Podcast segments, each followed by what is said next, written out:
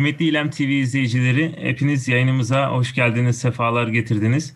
Öncelikle hepinizin Ramazan-ı Şerif'ini tebrik ediyoruz.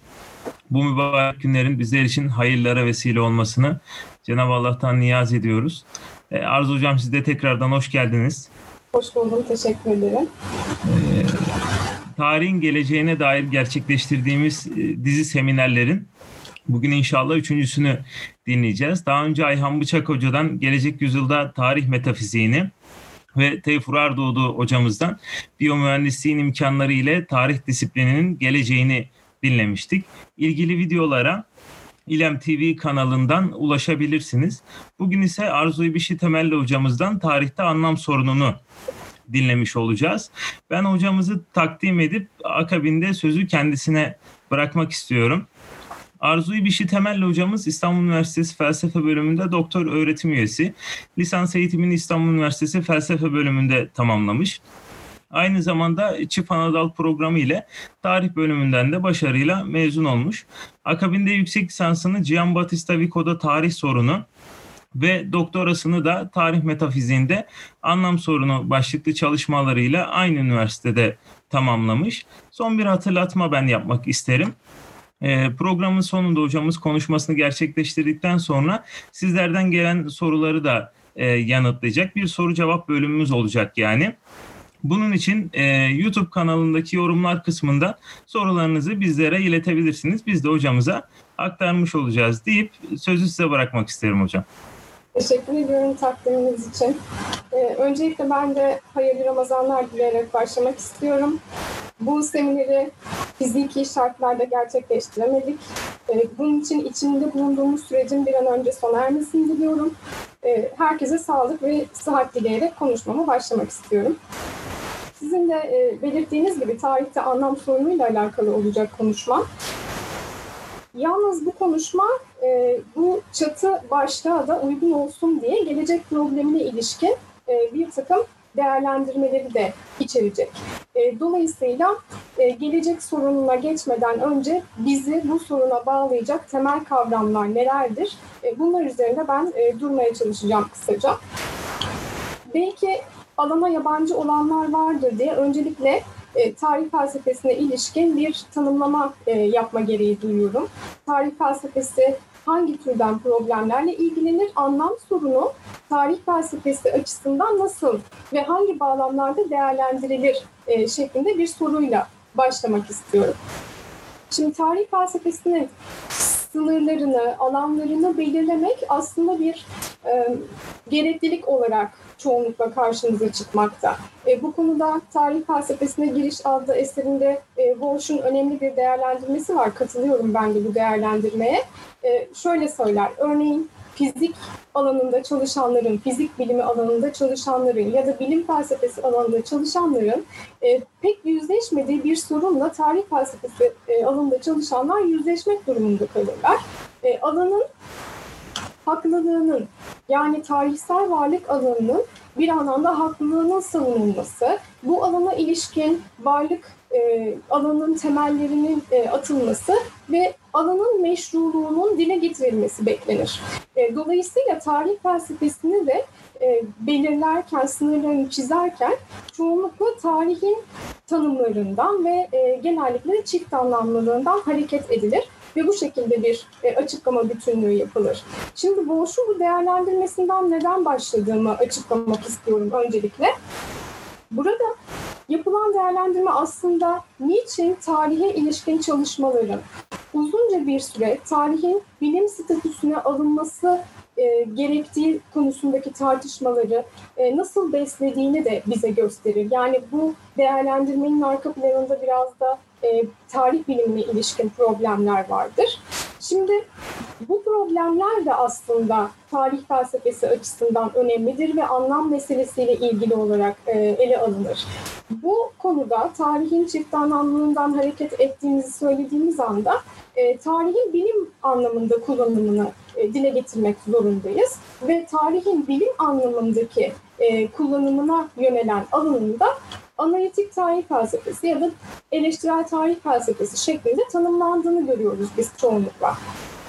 Kaynaklarda böyle geçer.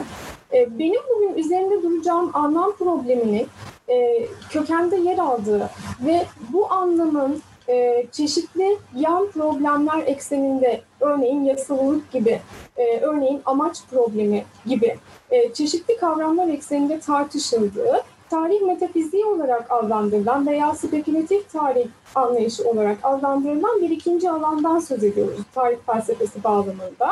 Bu ikinci e, alan aslında genel olarak hem benim çalışma alanım olduğu için bugünkü konuşmayı yönlendirdi hem de e, bu alanda tarihin geçmiş anlamındaki kullanımına yani insanlık tarihine işaret edildiğini de e, başlangıçta söylemiş e, bulunayım.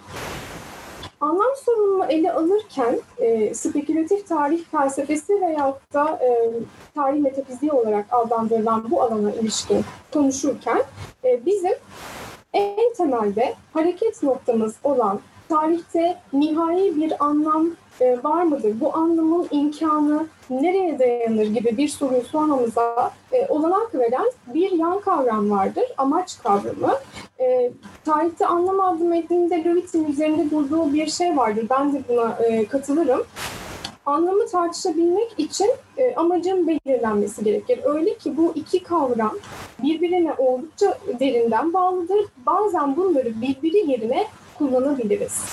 Dolayısıyla bizim başlangıç noktamız bu kabulden hareketle amaç kavramı olacak ve yer yer bu anlam tartışmasında tarihin nihai amacıyla ilgili e, yazılıp çizilenlere gönderimde bulunmaya çalışacağım. Tarihin nihai amacından bahsettiğimiz anda da e, arka planda acaba bir e, ilkeler babında bir e, belirlenim olup olmadığını e, ve teolojik bir yaklaşım üzerinden değerlendirilip değerlendirilemeyeceğini bu problemi anlatmaya çalışacağım size. Şimdi öncelikle e, sorumuzu biraz daha sistematik hale getirmek istiyorum başlangıç aşamasındaki sorumuzu. Eğer e, biz Löwit'in açtığı bu yoldan gidecek, bu yönlendirmeden gidecek olursak yani anlam ve amaç kavramları arasındaki bu kopmaz bağdan hareket edecek olursak ilk olarak üzerinde duracağımız sorulardan bir tanesi şu olsun. Tarih anlayışlarında beliren bu nihai amaçların arka planında bulunan insanlığı kurtuluşa erdireceği düşünülen bir ilahi plan var mıdır? Bu soru e, kurtuluş kavramıyla, kurtuluş fikriyle anlam sorununu bağlamamıza e, yardım eder. Bu soruya verilen bir yanıt vardır. E, bu yanıt olumlu bir yanıttır. Özellikle e, Hristiyan tarih anlayışını anlam ve amaç kavramları ekseninde değerlendirerek e, nihai anlamı ve nihai amacı ele alan tarih metafiziklerinin gerisine yerleştiren görüşler vardır. Yani bu tarih metafiziklerinde karşımıza çıkan nihai anlamların e, aslında Hristiyan tarih tasavvuruyla birlikte e, değerlendirebileceğimiz ama tabii ki başka inanç sistemleri üzerinden de değerlendirebileceğimiz kurtuluş fikriyle bağı kurulmaya çalışılır. Şimdi şöyle başlamak lazım. Genel amaçlardan söz ettiğimizde eğer e, kurtuluşla da bağını kurmak istiyorsak bir zorunluluktan aslında bahsetmiş oluruz biz. Ve e, ilerleme fikrini oluşturan bir dayanak olarak bu amaçları yorumladığımızda da bu zorunluluğun kaynağını sanki insanı aşan bir güç varmış ve bu insanı aşan güç tarafından e, amaçlar yönlendiriliyormuş ve zorunluluk ve insanlık bu amaçlara doğru gidiyormuş gibi bir e, tasavvur ortaya çıkarılır. Tarih sürecine böyle bir bakış üzerinden biz e, ilerleme anlayışlarını özellikle yorumladığımızda gördüğümüz şey en başta geleceğe ilişkin bir e, umut ilkesidir. Bu umut ilkesi e, mutlaka ilerlemenin e, kazanılacağı, nihai amaca kurşunsuzca mutlaka erişilebileceği. Tabii ki bu tarihsel süreçte e, bir takım ilerleme yönünde bir takım kesintilerin de mümkün olduğu fakat e, amaca mutlak surette erişileceği fikrini doğurur. Bu umut e, doğal olarak bir iyimserlik tablosu yaratır. Bunu ben konuşmamın sonunda eleştirmeye çalışacağım. Yani ilerleme e, şeklinde tarihsel süreci ilerlemeye dayandırarak açıklamaya çalışan modelleri eleştirmeye çalışacağım. Bir de bu modellerin karşısında yer alan, bu modelleri eleştiren ve aslında kurtuluş fikrini e, başlangıca yerleştiren döngüsel anlayışlar dediğimiz tarih anlayışlarından söz edebiliyoruz biz. Bu döngüsel tarih anlayışları için e, iki tür belirlenim söz konusudur. Bunlardan bir tanesine göre sonsuz bir döngü tasarımı söz konusudur. E, ikincisine göre özellikle de e, benim konuşmam açısından daha önemli bu. İkincisine göre 20. yüzyıldan itibaren karşımıza çıkan bir anlayıştır bu. Onu da söyleyeyim arada bir ilerleme, kesintisiz bir ilerleme üzerinden tarihin açıklanması ve bunun e, bir takım genel amaçlara, sonun amaçlara dayandırılması değil de aslında bir çöküş teorisi üzerinden tarihin açıklanması gerekir şeklindeki bir anlayış söz konusudur.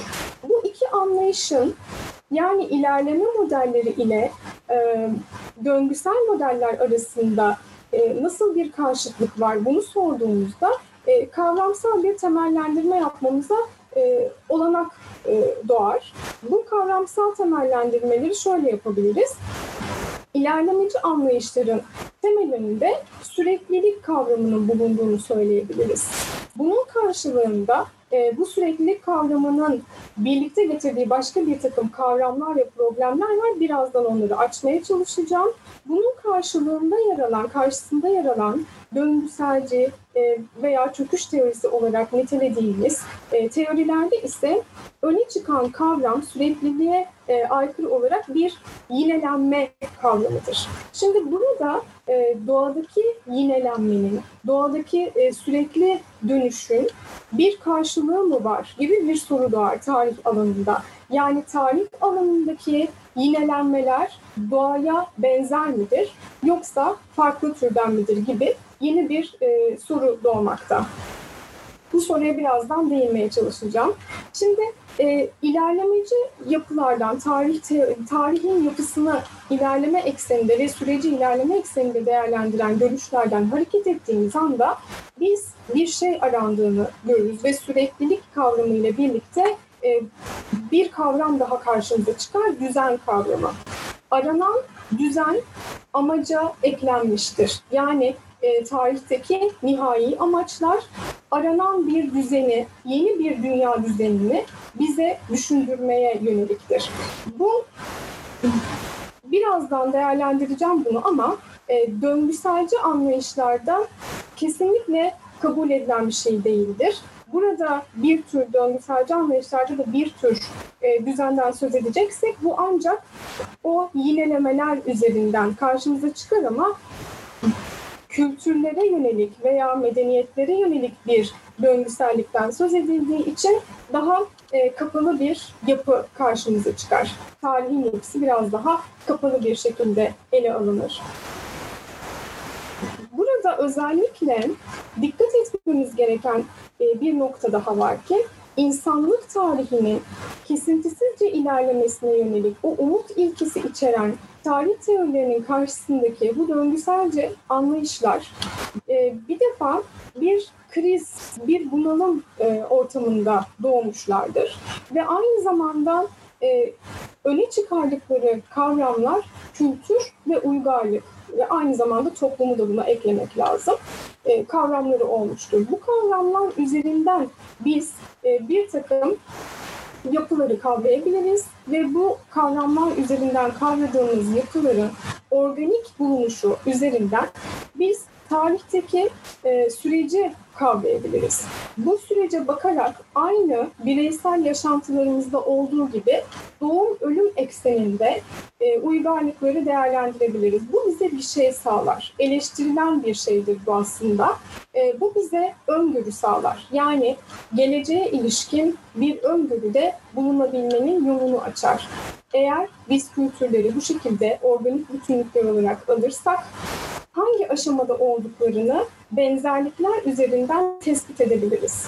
Ve e, ilerlemeci tarih anlayışlarında karşımıza çıkan yasa kavramının karşısına burada döngüselci yaklaşımlarda yazgı kavramının e, yerleştirildiğini görürüz. Bu yazgı ise her kültürün kaçınılmaz bir şekilde çöküşe gideceğine işaret eden bir e, yazgı anlayışıdır. Yani burada aslında gelişme ilkesine karşı doğum ölüm çizgisinde gerçekleşen bir çöküş ilkesiyle e, iyimserliğe karşı karamsarlıkla karşı karşıya kalıyoruz. Tarihe bakış açıları e, ekseninde düşündüğümüzde bu iki modeli. Özellikle burada geleceğe ilişkin bir öngörüde bulunabilme şeklindeki e, düşünceyi, fikri eleştirmek gerekiyor. Buna da birazdan e, kısaca değinmeye çalışacağım. Şimdi yeni bir kavram daha doğar bütün bu tartışmalar ekseninde. Aslında hep vardır yani tarihin tanımında içerilen bir kavramdır. Geçmiş kavramı. Geçmiş kavramının ilerlemeci ve döngüsel modeller açısından anlam problemini tartışırken nasıl değerlendirildiği üzerinde e, ayrıca durmamız lazım. Geçmiş kavramı aslında e, pek çok döngüsel anlayışın temelinde e, çünkü başlangıca yönlendiren bir kavramdır bizi. Şimdi e, geçmişe yönelik e, olumlama durumunu özellikle döngüselci anlayışlarda karşımıza çıktığını görüyoruz. Tabii bununla e, ilerleme modellerinde geçmişin değersizleştirildiğini falan söylemek istemiyorum. E, geçmiş ilerlemeci anlayışlar açısından da değerlidir. En azından bize geleceğe gideceğimizi, amaca ulaşabileceğimizi gösteren bir takım e, ispatlar, bir takım kanıtlar sunabilir. Geçmişe baktığımızda böyle kanıtlarla e, yüzleşebiliriz. O yüzden hem e, döngüsel modeller açısından hem ilerlemeci modeller açısından en temel kavramlarımızdan biri olarak beliren geçmiş aynı zamanda bize kurtuluş fikri üzerinden e, yani konuşmanın başında bahsettiğim e, anlam sorunu ve buna bağlı amaç kavramı ekseninde düşündüğümüzde kurtuluş fikri üzerinden ortaya çıkan e, bir takım soruların da yanıtlanmasında yine e, kullanmamız gereken kavramlar arasında yerini alır. Şimdi geleceğin karanlık bir resminin sunulduğu döngüselci anlayışlar geçmişi aydınlatırlar. Diğer tarafta ise geçmişten hareketle başlayan ama hep daha iyiye giden, eksikliklerin adım adım tamamlandığı bir tarih görüşüyle karşı karşıyayız. Dolayısıyla burada bir e, çatışma durumundan, amaca doğru gitmek bağlamında bir çatışma durumundan söz etmek zorundayız. Bu çatışmanın temelinde şöyle bir fikir olduğunu söyleyebiliriz. Amaç kavramı aslında en temelde bizim döngüselci tarih anlayışlarında dışlandığını gördüğümüz bir kavramdır. Amaca dayanan bir anlamlandırma sürecini e, saçma bulunduğunu görürüz. Yani burada temelde olanın e, ancak süreç olduğunu söyleyebiliriz döngüselci yaklaşım açısından.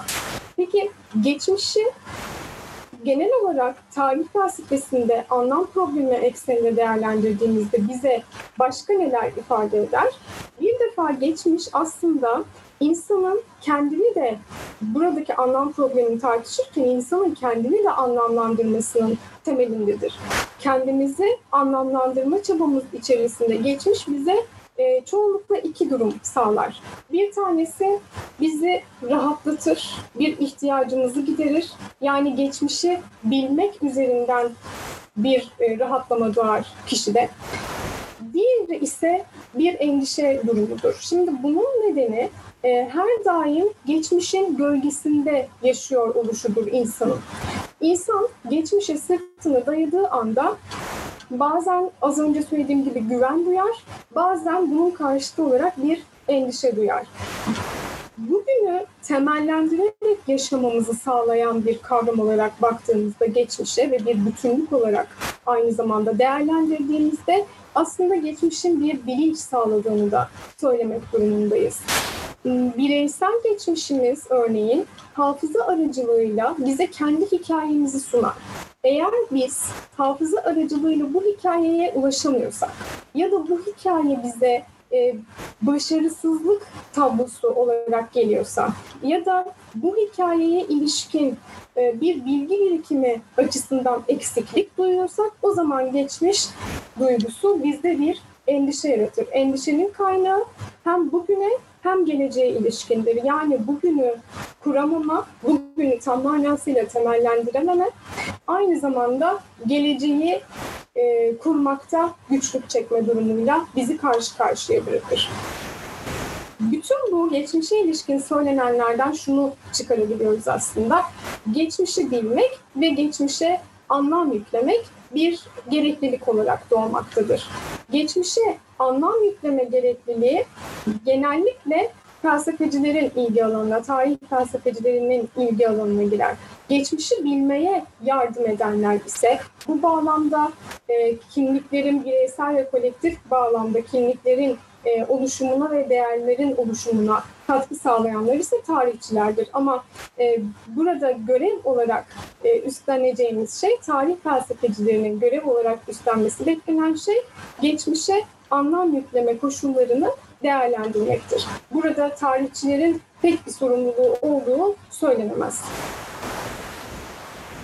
Az önce bahsettiğim gibi geçmişi aydınlatmak, geçmişi karanlıkta bırakmamak e, bize gelecek açısından bir güven verir. O nedenle e, geçmişe ayrı bir değer yükleriz. İnsanlık tarihine baktığımızda e, tarih metafiziklerinin ele aldığı şekilde ya da spekülatif tarih felsefelerinde gördüğümüz şekilde bir tablo bize aynı zamanda geçmişin aydınlatılması ve açıklanmasına yönelik bir tablo sunmakta. E, burada bir takım temel kavramlardan hareket edip her ne kadar e, amaç kavramı ekseninde özellikle gelecek sorununu tartışsak da aslında bu geçmişi arka planda bırakan bir durum yaratmamaktadır. Bunu e, tekrardan hatırlatmak istiyorum. Şimdi e, bir başlangıç çizgisinin oluşturulması e, yani geçmişten hareket edilmesi bağlamında düşündüğümüzde sürecin hep iyiye gideceğini, insanın o belirlenmiş olan nihai amaca, insanlığın daha doğrusu e, mutlaka erişeceğini iddia eden e, bu ilerlemeci modellerin karşısına biz yazgıyı temele alan ve kültürleri inceleme yoluyla ancak e, geleceğe ilişkin bir takım problemleri değerlendirebileceğimiz öne süren döngüsel yaklaşımları yerleştirmiştik. E, şunu hatırlatmak istiyorum. Burada döngüsel yaklaşımlar açısından da e, bir zorunluluk var mıdır türünden bir soruyu e, doğal olarak sorabiliriz. Yani çöküşün bir zorunluluk içerip içermediği türünden de bir soruyu e, burada sorabiliriz ki bu aslında çöküşün zorunluluk içereceği şeklindeki anlayış yasa kavramının hem ilerleme hem de döngüsel tarih anlayışlarında temel olup olmadığını da tartıştırır. E, zaten belirlenmişlik ve yasalılık üzerinde birazdan duracağım ama e, bu yasa kavramı ile ilgili tartışmaların sadece ilerlemeci anlayışları ekseninde değerlendirilmediğini e, baştan söylemek istiyorum. Burada her ne kadar e, döngüselci anlayışlarda yazgı kavramı öne çıkarılmış olsa da bunun dolaylı olarak bir yasa e, sunduğu da e, yorumlarda karşımıza çıkmaktadır. Ve aslında bu yorumlar bizi yeniden o nihai amaca ilişkin tartışmalara da e, yönlendirmiş olmaktadır. Şimdi anlamın imkanını içinde taşıyan bir nihai amaçtan, bir e, genel amaçtan söz ettiğimiz anda en başta sorduğumuz soruya geri dönmüş oluyoruz. Bir belirlenmişlik durumu var mıdır acaba tarihte? Yani acaba bu amaç bir takım ilkeler tarafından mı belirlenmiştir ve burada bir plan ekseninde mi tarihsel süreç değerlendirilmelidir türünden bir soruyla karşı karşıya kalıyoruz. Ee, az önce bahsettiğim gibi e, Lewitt'in iddiasını takip edecek olursak bu noktada e, ilerlemeci anlayışların arka planına teolojik bir yaklaşımı sun, e, koyacak, yerleştirecek olursak aslında bunu e, bir anlamda belirlenmişlik tarihte vardır şeklinde e, yanıtlamış oluruz. Nihai amaçların ilahi bir güç aracılığıyla ya da insanı aşan bir güç aracılığıyla diyelim belirlendiği ve e, tarihin zorunlulukla bu amaçlara yöneldiği, dile getirildiği an tarihin öznesi kimdir sorusu doğar. Yani insanın tarihteki rolüne ilişkin bir soru doğar. Yani akıl insanı yönlendirmek bakımından bu amaçların yerleştirilmesi ve bu amaçlara erişme konusunda yetersiz midir gibi bir soru doğar. Aslında e, spekülatif tarih anlayışlarının kurtuluş fikriyle bağını kurarken gördüğümüz bir problem bu. E, 18. 19. yüzyılda öne çıkan ilerleme tasarımları açısından tartışılan bir problem. Bu bir anlamda e, ilerlemeyi garanti altına alan bir e, yanıt oluyor aslında. Yani bir belirlenmişlik olduğunu söyleme yanıtı. E, ancak yine de çeşitli örnekleri düşündüğümüzde şunu söylemek lazım. Burada her ne kadar bir takım ilkelere yer verilmiş olsa da ilerlemeci tarih anlayışlarında esasında insan bu amaca aklı aracılığıyla erişecektir. Yani e, tam manasıyla burada aşkın bir güç tarafından tarihin belirlendiği bir durumdan söz edemeyiz. Fakat e, belki küçük müdahalelerden söz edebiliriz. Ne türden şeyler bunlar? Özellikle soruyu e, açmak açısından bir örnek vermek istiyorum. Kant'ın e, Dünya Yurttaşlığı metninde doğaya nasıl bir rol verdiğini tartışmaya başladığımız anda bir defa bu belirlenmişlik problemi e, ortaya çıkar. Çünkü orada doğa insanın yeteneklerini geliştirmesini isteyen, insanı bir amaç doğrultusunda yönlendiren bir güç gibi e, sunulan bir e, kavram olarak bir anlamda ilke olarak karşımıza çıkmakta. E, burada e, ya da Hegel'de aklın hilesinin, aklın hilesi kavramının kullanımı da benzer bir problemi yani e, bir belirlenmişlik olup olmadığı problemini bize düşündürmekte. Yani tarihi insanın dışında bir öznesi mi var? İnsanı tarihte yönlendiren bir şey mi var? Yoksa insan tek başına sadece aklını kullanarak, kendi yeteneklerini kullanarak e, amaca, o nihai amaca erişebilir mi türünden soruyu yenilemek gerek. Burada özellikle e, bu ilkelerden doğa örneğinde ya da aklın hilesi örneğinde e, gördüğümüz şekilde bu ilkelerden bahsederken bunların tümüyle insandan bir akıl varlığı olarak insandan bağımsız ilkeler olarak belir, belirdiğini söyleyemeyiz. Yani insanı aşan bir gücün tarihi müdahalesi olduğunu söyleyemeyiz. İşte bu anlamda ilerlemeci tarih tasarımları ile en başta Löwit üzerinden kurduğumuz o sorunun e, sunmuş olduğu teolojik yaklaşım arasında bir fark olduğunu görürüz. Burada bir e, ilahi plandan değil de nihai amaca gerçekleşmeye yardım edecek bir doğa planından örneğin e, söz edilmekte. Kant bağlamında yeniden söyleyecek olursak. E, bu şekilde tam adaletli bir dünya yurttaşlığı amacına erişilebileceğinden bahsedilmekte. E, doğa planı aslında burada insanın özgürlüğünü e, sağlayabilecek bir düzene erişmenin yani özgürlük yönünde e, ilerlemenin, gelişmenin bir planı olarak karşımıza çıkmakta. E, bireysel eylemlerin çünkü e, tek başına incelenmesi durumunda sanki bir dağınıklık, bir amaçsızlık varmış gibi görüleceği için, görüneceği için böyle bir e, kurgu üzerinden gidildiğini söyleyebiliriz. Burada insanlık tarihindeki ilerlemenin düzenli bir şekilde gerçekleşeceği ve umut ilkesinin zedelenmeyeceği bir yapı sunulmuş oluyor bu verdiğim örnekte. Yasalılık sorununa e, buradan açılacak olursak yani böyle bir nihai amaca erişmede e, eğer mutlaka düzenli bir ilerleme kastediliyorsa ve bu ilerleme ekseninde e, gelişecek bir yeni düzen aranıyorsa e, o zaman burada bir yasalılık olduğunu söyleyebilir miyiz gibi yeni bir soruyla e, anlam sorunu açısından karşılaşmak karşılaşmış olmaktayız. Özellikle nihai anlama e, dair sorgulamalarımızın amaca bağlandığı anda bu yasa meselesi öne çıkar. Aslında iki e, basamaklı olarak değerlendirebiliriz biz yasa meselesini. Bir tanesi e, benim konuşmamın başlığında da söz ettiğim e, bir şeydir. tarihin de doğa türünden yasaları olduğunu iddia edenler, tarihi de bir bilim olarak konumlandırmak için bunu kullanmışlardır. Bir de ilerleme tasarımlarının gerisinde bulduğumuz bir yasalılık söz konusudur. E, bu da aslında tarihsel varlık alanının yani tarihin tarih yazımının, tarih çalışmasının nesnesi olarak beliren tarihsel varlık alanının e, böyle bir süreç, yasa içeren bir süreç olarak e, yorumlanmasını beraberinde getirir.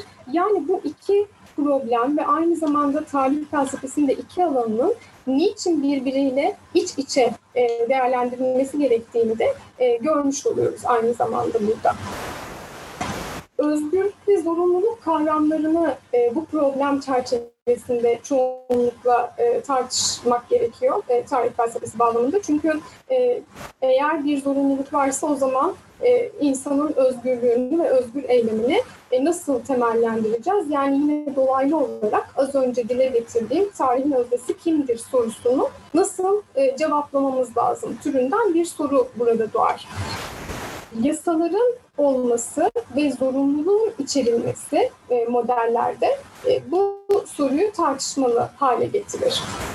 İnsan eylemlerinin temelinde bir irade olduğunu kabul ettiğimizde o zaman e, süreci özgürleşme üzerinden açıklamak durumunda kalırız.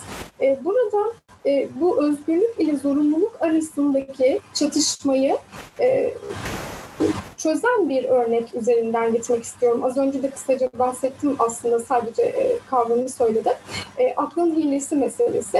Örneğin Hegel'de tarih tasarımında e, dünya tarihsel bireyler, e, büyük insanlar ya da kahramanlar olarak değerlendirilen, nitelenen e, kişilerin eylemleri üzerinden biz e, bu özgürlük zorunluluk çatışmasını değerlendirebiliyoruz. Bu e, bireyler aslında eylemlerini gerçekleştirirken kendi tutkularının peşinden gittiklerini varsayarlar. Fakat bu tutkuların peşinden gitmek bazen bir takım çatışmaları, bir takım zararları beraberinde getirir. Ama bunlardan bireyler etkilenirler. Bunun gerisinde e, bu tutkuları kullanan, amaca ulaşma yönünde kullanan e, aklın kurnazlığı ya da aklın hilesi ise e, nihai amaca doğru gidişatın etkilenmemesini sağlar. Yani tutkuların kullanılması nihai amaca giderken e, gerekli adımların bir anlamda atılması için bir gereklilik olarak doğar. Bizim Spekülatif tarih anlayışlarında veya tarih metafiziği örneklerinde gördüğümüz e, bazen doğa ile, bazen maddi ilişkiler ağı ile, e, bazen zihinsel gelişme ile kendini açan e, ve bu ilkeler üzerinden dayanak bulan e, yasalılık aslında tam anlamıyla özgürlüğü dışlayan insan eyleminde, e, insan eyleminin gerisinde yer alan özgür irade problemini dışlayan bir şey yaratmamaktadır böylelikle. Yani aklın hilesi bize bu konuda önemli bir e, örnek sunmakta. Tabii ki e, tartışılabilir. Şimdi e, ilerlemeci anlayışlarda bulduğumuz bu tür bir e, yasalılık zorunluluk ve amaç arasında kuracağımız bağı da e, etkilemektedir. Yani e, bu bağ üzerinden tarih aslında yasalı bir süreç olarak değerlendirilmektedir. Bu tartışmanın karşısında yer alan, karşı kutbunda yer alan çöküş teorileri ise tarihte e, nihai bir anlamın aranmasını az önce de belirttiğim gibi ve bu anlama e, bağlı bulunan genel amaçlar üzerinden açıklamalar yürütülmesini saçma ve tarihin açıklanması için yetersiz bulur. Aslında e, sürecin açıklanmasında böyle bir yasalılık vurgusu yapılmasına da karşı çıkmış olurlar e, döngüselce yaklaşımlar veya çöküş teorileri. E, bu, burada özellikle çöküşün yazgı kavramıyla ilişkili olarak açıklandığını yeniden hatırlatmak istiyorum. Örneğin e, Speker'in modelinde bunu görebiliriz. Burada kültürlerin yazgısı kaçınılmazca e, uygarlık haline gelmektir. Ve uygarlıkların da e, kaçınılmazca ölüme, çöküşe doğru e, gitmeleridir. Fazlaca büyümenin getirdiği bir yozlaşma ile birlikte çöküş süreci karşımıza çıkmaktadır. Hmm, medeniyet haline gelmiş Türk kültürleri bekleyen bir süreç olarak çöküşü burada değerlendirmek zorunda e, kalıyoruz. Bu aynı zamanda yani çöküşe yönelik böyle bir kabul aynı zamanda tarihsel süreci çizgisel olarak birbirini takip eden e, bir gelişme seyrini e, görebileceğimiz şekilde sunulan e, çağlar bölümlemesi üzerinden açıklanmasına yönelik de bir eleştiridir. Yani antik çağ, orta çağ, yeni çağ, yakın çağ şeklindeki klasik bölümlenmeye ilişkin de bu çizgisel gidişata ilişkin de bir eleştiri söz konusudur. Çöküş modellerinde bunu da hatırlatmış olayım. Burada çöküş modellerinden hareketle sorabileceğimiz, ilerlemeci tarih tasarımlarına yöneltebileceğimiz yeni bir soru doğmakta. Özellikle de tarihte anlam problemi açısından e, önemli olan bir sorudur bu. Tarihin sonuna dair tartışmaları yönlendiren bir sorudur. Şöyle sorabiliriz soruyu. Amaca ulaştıktan sonra ne olacak? Yani e, belirlenmiş olan ve zorunlulukla ulaşılacak olan o amaç sonrasında ne olacak? Bu soruya nasıl yanıt vermek gerekir? E, tarihsel zaman sona mı erecek? E, tarihsel zamanın sona ermesi yoluyla bir kurtuluşa mı erilecek? Yoksa e, tarihsel sürecin içerisinde bulunan e, ve amaç konusunda yönlendirici olan ilkeler yeni bir amaç mı belirleyecekler? Yoksa amaca ulaşıldıktan sonra bir durağanlık mı oluşacak? Yani amaca ulaştıktan sonra karşımıza çıkan bir süreklilik halinden mi söz etmek zorunda kalacağız? Bütün bu sorular e, aslında hem gelecek sorununa bağlanan hem de tarihin sonuna ilişkin tartışmaları amaç kavramı üzerinden yönlendiren sorulardır. Genellikle bu soruların tarih ve metafizikleri açısından da tartışıldığını görüyoruz. Şimdi eğer tarihsel zamanın sona erişinden bahsedeceksek amaca ulaştıktan sonra e, bir anlamda bu dünyanın zamanı içerisinde ulaşılmayacak bir e, kurtuluşun da e, arka planını oluşturmuş oluruz belki de. Dolayısıyla burada bir öte dünya fikrini yeniden tartışmak gerekmekte. Ama şunu hatırlatayım, öte dünya e, fikri üzerinden kurgulanan e, kurtuluş modelleri sadece bir e, tarih metafiziklerindeki amaca e, ilişkin değerlendirmeleri bir benzerlik taşı, taşır. Bunu söyleyebiliriz. Çünkü burada esas olan bu e, dünya tarihi içerisinde e, dünya tarihsel zaman sona ermeden erişilebilecek olan nihai amaçlardır. Yani öte dünyaya konumlandırılmış bir kurtuluş e, değil de aslında bizi ilgilendiren bu ilerleme tasarımlarında e, çoğunlukla tarihin sonunda konumlanmış, henüz ulaşılmamış ya da bazılarında e, ulaşıldığı düşünülen bir e, nihai amaç, genel anlamı tarihteki nihai anlamı taşır. Ve bu durum bizi yeniden gelecek üzerine düşünmeye yönlendirir. Yani tarihteki e, ilerleme tasarımını bir anlamda eleştiriye de açık hale getirir.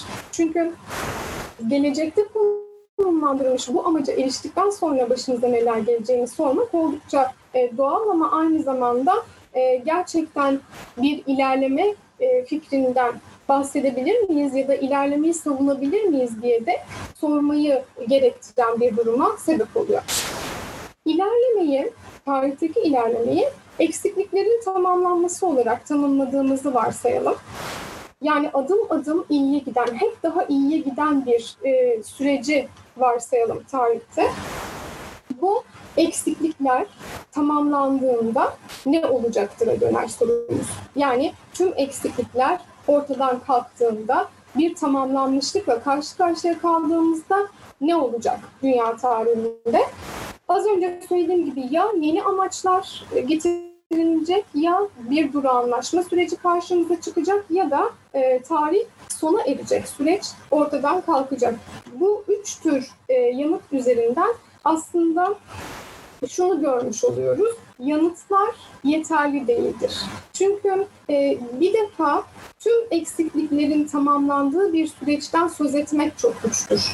Burada mutlaka bir takım tarihsel akış içerisinde e, yüz yüze kalınan çatışmalar, e, bir takım yeni problemler ve sürekli artan ve insanların önüne yeniden çıkan eksiklikler bütünlüğüyle karşı karşıya kalıyoruz. Bu sürecin dinamik seyri açısından e, böyle gelişir. Dolayısıyla e, ilerlemenin bütün eksiklikler tamamlandıktan sonra e, nasıl bir sürece evrileceği bir soru olarak önümüzde durur. Bu tartışmaların e, dayanağında bulunan şey aslında tarihsel akışın, tarihsel sürecin tek seferlik olaylardan oluşmuş olması meselesidir. Yani e, tek seferlik ve tekrarlanması olanaksız olaylar bütünlüğünden oluşması meselesi ilerlemeci tarih anlayışlarının dayanağı olarak e, karşımıza çıkar. O çizgisel modeli dayanağı olarak karşımıza çıkar. Aynı zamanda bir şeyin daha dayanağıdır. O da tarihi bir bilim olup olmadığı tartışmalarının çünkü doğadan farklı bir şekilde tek seferlik olaylar bütünlüğü olarak gördüğümüz tarihsel süreçte e, biz açıklamalarımızı gerçekten sağlam bir şekilde yapabilir miyiz türünden pek çok soru e, analitik tarih felsefesi bağlamında tartışılır. Şimdi buraya kadar e, üzerinde durduğumuz bu meseleler ekseninde anlam sorununa yeniden e, yönelecek olursak aslında e, bir ihtiyaca gittiğimizi, ihtiyaç kavramına yöneldiğimizi görmüş oluyoruz. Bu ihtiyaç insanın kendi tarihi anlamlandırmak açısından kendi varoluşunu anlamlandırma ihtiyacı duymasıdır. Yani kendisini tarihli yapı, tarihli varoluş üzerinden açıklama ihtiyacı duymasıdır. Tarih üzerinden tanımlama e, kaçamayacağımız bir durum yaratır. E, bu tanımlamanın gerisinde bir takım e, etkenler var. Evren-insan ilişkisi, insan-doğa ilişkisi, e, doğa-insan bağının sorgulanması, yapaylığı ile beliren kültürel varlık alanının doğanın karşısında mükemmelliği ile beliren doğanın karşısında nasıl bir e, yapıyla e, bize sunulduğu, e, üreticisi, yaratıcısı olduğumuz bu alana ilişkin bilgi birikimimizin e, sorgulanması, e, tarih metafiziğinde anlam ve amaç sorunundan bahsettiğimiz anda aslında yüzleştiğimiz yan problemlerdir bunlar. Çünkü e, az önce başında söylediğim gibi insanın kendisini tarih üzerinden tanımlaması problemine gelip dayanmaktadır. Bu ilişkiler ağı ve bu sorunlar yumağı.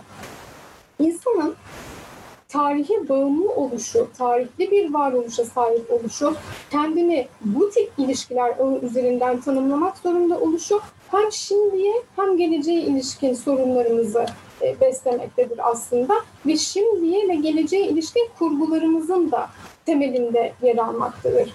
E, çünkü bu kurgular da bir tür ihtiyaç halinde karşımıza çıkar. Şimdi bu kurguların tüm sorunları çözeceğini söylemek, e, bir nihai amaç belirleyerek bu sorunlardan kurtulabileceğimizi söylemek tabiri caizse saf dillik olacaktır. Yani bunu söylemek oldukça zor. Bugün e, yaşadığımız problemlere baktığımızda bile bunu söylemenin ne kadar problemli olduğunu görürüz aslında. Yani küresel e, ölçekte karşı karşıya kaldığımız pek çok sorun, pek çok küresel sorun insanın doğa ile, evren ile ilişkisini ve tarih ile ilişkisini e, uygun olmayan bir yöntem üzerinden e, konumlandırmasıyla bağ, bağlantılıdır. Yani şöyle açıklayayım bunu. Doğa insan ilişkisi açısından gidecek olursak doğanın insan için olduğu, insanın doğaya e, hakim olabileceği anlayışı, doğanın sınırsızca tüketime açık bir alan olarak karşımızda bulunduğu ve e, dönüştürmeye açık bir alan olarak e, bize sunulduğu şeklindeki yaklaşımlar aslında bugün karşı karşıya kaldığımız pek çok problemin temelinde yer alır. Şimdi dünya tarihinde tabii ki e, özne ve kültür dünyasını kurucu öğe insandır ve bu aklı ve iradesi aracılığıyla insanın gerçekleştirebileceği bir durumdur. E, fakat bu insana geleceği kurmak e, bağlamında doğaya ilişki nasıl bir tutum geliştireceğini e, sordurmak zorundadır. Eğer doğaya ilişkin tutumu sorgulamazsak o zaman geleceği kurmak açısından e, bir anlamda yoksunluğa, düşünme yoksunluğuna düşmüş oluruz. E, düşünme yoksunluğuna düşenler e, aslında tam anlamıyla geleceğin kurulmasında doğanın sürekliliği ve türün devamlılığını göz ardı edenler olmaktadır. İşte bu düşünme yoksunluğunu bugün küresel ölçekte karşımıza çıkan pek çok problemin temeline aslında yerleştirmemiz mümkündür diye düşünüyorum. İlerleme terimine e, terimine geri dönecek olursak çünkü bütün bu ilişkiler üzerinden de aslında e, karşımızda duran bir kavram, ilerleme kavramı. E, bu terimi savunmak için kullanılan e, temel kavramlardan bir tanesi fayda veya yarar e, kavramıdır. Hem sürecin açıklanması açısından e, aslında kullanılır. Yani insanın kendi yararına olan şeyleri arzu etmesi ve bu e, arzu doğrultusunda harekete geçmesinin e, çeşitli üretimlerde bulunmasının tarihsel süreci yönlendirdiği fikrinden bahsetmek istiyorum burada. E, bu faydaya dayalı e, anlayış bir süre sonra aslında insanlığın iyiliği, iyi yaşama sahip olması, mutlu ve belli bir refah seviyesine erişmiş bir yaşantıya sahip olması meselesini e, tartışmalı hale getirir. Çünkü bu gerçekten az önce de bahsettiğim gibi bir ilerleme durumunun e, mümkün olup olmadığını e, sordurur bizlere. İnsanın örneğin e, bilgi birikimindeki artışı ve bu artış aracılığıyla kendi faydasına olacak pek çok e, üretim e, mekanizmasını geliştiriş, geliştirmesini e, varsayalım, bunun üzerine düşünelim. Bu manada değerlendirildiğinde e, çoğunlukla e, ilerlemeden söz edilmektedir. Fakat burada hem e, bir birikim meselesiyle hem de amaç meselesiyle yeniden yüzleşmek zorunda kalıyoruz. Çünkü e, olumlu manada e, bu bilgi birikimi e, meselesinin insanın faydasına olacak şekilde yorumlanması aslında e, amaçların insan kılmayı, insan olarak e, devam etmeyi, yani değerleriyle e, yaşantısını sürdürmeye devam etmeyi başarabilip başaramayacağı konusunda yeni soru işaretleri doğurmaktadır. Bilgi birikimi her zaman bir ilerleme sağlar mı sorusuyla bizi e, bu mesele yüzleştirmektedir ve e, tarihe bakışı da bu yönde değerlendirmemize sebep olmaktadır aynı zamanda gerçek bir ilerlemeden eğer e, insani ilkelere ve değerlere zarar verecek şekilde bir bilgi birikimi e, söz konusu olursa gerçek bir ilerlemeden söz etmemiz pek mümkün değildir. Burada e, kavrama ilişkin, ilerleme kavramına ilişkin bir başka eleştiri daha e, getirebiliriz. Kavramın kapsayıcılığına yönelik bir eleştiri sunabiliriz. E, neyi kastediyorum bununla? İnsanlık tarihi için bir ilerlemenin e, olanağını tartışmayı e, tartışmak gerektiğini öne sürmeye çalışıyorum. Çünkü ilerleyenler belli gruplar veya belli topluluklar mıdır yoksa ilerleme gerçekten de tüm insanlığı kapsar mı diye e, bir soru. En başta e, fayda kavramıyla kurduğumuz ilişki üzerinden yeniden bu noktada e, belirmek durumunda. E, bugün aslında dünya tarihine baktığımızda ihtiyaçlar hiyerarşisinin bile e, belli seviyelerine çıkamamış, en temel ihtiyaçları karşılama konusunda bile yeterince gelişememiş bir durumda bulunan e, azımsanamayacak bir kitle olduğunu görüyoruz. Bu soru e, dolayısıyla insanlık tarihinde e, topyekun bir ilerleme olup olmadığını e, sormak gerekliliği tüm e, topluluklar, tüm gruplar üzerinden gerçekten bir fayda meselesinden söz edebilir miyiz? Onları da kapsayacak bir iyi yaşamdan e, ideal e, ideali bize sunabilecek olan bir toplumsal düzenden bahsedebilir miyiz türünden yeni sorular doğurmaktadır. Yani e, eleştirmeye çalıştığım şey esasında şu. Çöküş teorilerinde gördüğümüz o ilerlemenin fazlaca iyimser e, yönüne ilişkin bir eleştiri söz konusudur. Eleştirmeye çalıştığım şey e, benim de bu. Yani ilerlemenin fazlaca iyimser bir e, tarih tasarımıyla karşımıza e, çıkıyor oluşu. Savaşların, çatışmaların dahi yani ilerlemeyi kesintiye uğratması gereken, uğratabileceğini düşündüğümüz pek çok e, olayın dahi ilerlemeyi besleyen bir yapı olarak e, sunulduğunu görüyoruz biz e, bazı tarih tasarımlarında. O yüzden e, burada fazlaca iyimser bir tabloyla hala karşı karşıya kaldığımızı söylemek lazım. E, şöyle de bir örnek verilebilir bu konuda. E, örneğin bilgi birikiminden bahsettiğimiz anda belli bir amaca e, erişmek üzere bir birikime sahip olmanın getirdiği yeni bir e, araç veya araçlar bütünlüğü üretildiğini düşünelim. Bu araçlar bütünlüğüne e, erişim sağlama konusunda sıkıntı yaşayanlar o zaman e, bu teknik ilerlemenin gerisinde kalmış olacaklar.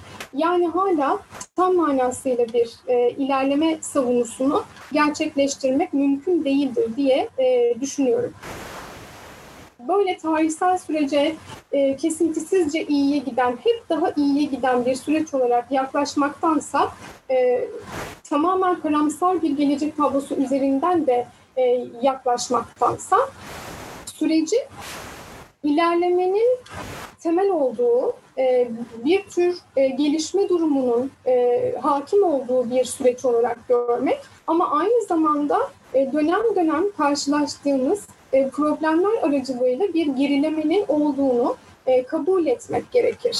Yani insanın e, tam manasıyla o nihai amaçlara ulaşmasının belki de mümkün olamayacağını da kabul etmek gerek. Yani yarına ilişkin ve bugüne ilişkin tasarımlarımız ve kaygılarımız aslında bizi bunu düşünme yönünde görevlendirmektedir bir anlamda. Bunu söylememin gerisinde şöyle de bir eleştiri var. Bu nihai amaç fikri ve anlam sorununun nihai amaçla e, bir arada düşünülmesi fikri bu ilerlemeci tarih tasarımlarını e, ütopik kurgulara da dönüştürebilir. Yani birer ütopya gibi değerlendirilmelerine de neden olabilir. Çoğunlukla ben e, bununla ilgili bir sunum yaptığımda ya da derslerdeki tartışmalarda bu nihai amaçların e, ütopyalarla ilişkisini kurmaya e, yöneliyor zihinler. E, bu oldukça yerinde bir e, tartışmaya sebep oluyor aslında. Çünkü e, benzer bir durum söz konusu. Yani ideal toplumu iyi olan düzeni kurmak ve arzu etmek açısından benzer bir durum söz konusu.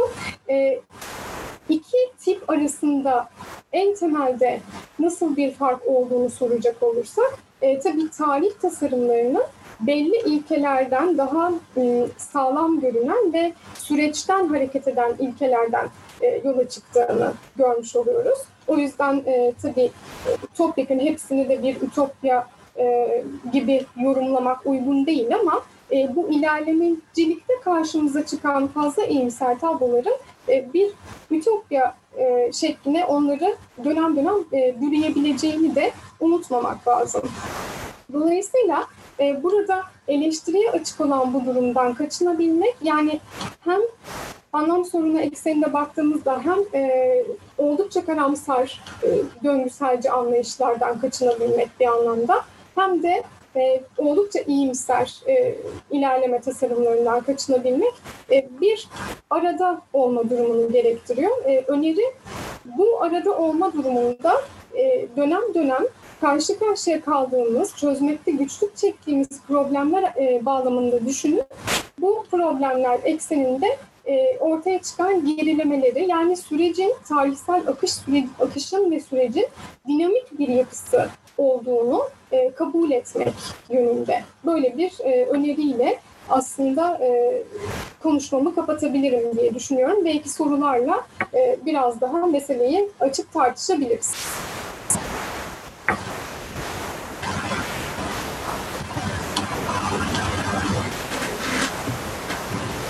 Güzel sunumunuz için çok teşekkür ederiz hocam. Ee, bolca istifadeli bir sunum oldu. Ee, Teyfur hocamızın e, zannediyorum bir sorusu var. Diyor ki İbni Haldun döngüsel tarih anlayışını savunuyor. Eleştiriniz e, var mı demiş. İbni Haldun'un Vico ile ilişkisi üzerinden hep düşünürüm. Aslında e, hem problemleri tartışma biçimleri e, açısından iki düşünür arasındaki bağı kurmayı e, seviyorum. Hem de e, yani tarihsel bilgiye ve yönteme ilişkin meseleler açısından hem de bu tarihsel akışa e, ilişkin e, tartışmalar açısından değerlendirmek gerektiğini düşünüyorum. E, aslında burada karşımıza çıkan şey e, yani sonuç olarak benim önerdiğim şey çok da bağımsız e, değil e, bu düşünürlerin önerilerinden. Evet bir tür e, zorunluluktan belki bahsedebiliriz ama e, genel olarak sürecin inişli çıkışlı bir süreç olarak yorumlanması gerektiğini söylemek durumundayız. Bunu e, böyle yorumlamadığımız an yani sadece karamsarlığa iten bir döngüsellik üzerinden yorumladığımız an veya sadece e, belli amaçlar ekseninde gelişen bir süreç olarak yorumladığımız an e, bir eksiklikle karşı karşıya kalıyoruz. O yüzden hem İbn Haldun hem de benzer şekilde Vico'nun değerlendirmeleri bana kalırsa bugün de hala tarih tasarımları üzerine tartışmalar açısından önemli ve değerli. Teşekkür ederiz hocam. Chat kısmında başka soru göremiyorum. Katılımcı arkadaşlarımıza da hocalarımıza da buradan teşekkürlerimizi sunuyoruz. Teşekkür ederiz hocam tekrar. Ben teşekkür ederim. Ben teşekkür ediyorum. Hayırlı günler diliyorum. Hoşçakalın. Hayırlı günler diliyorum. Sağ olun.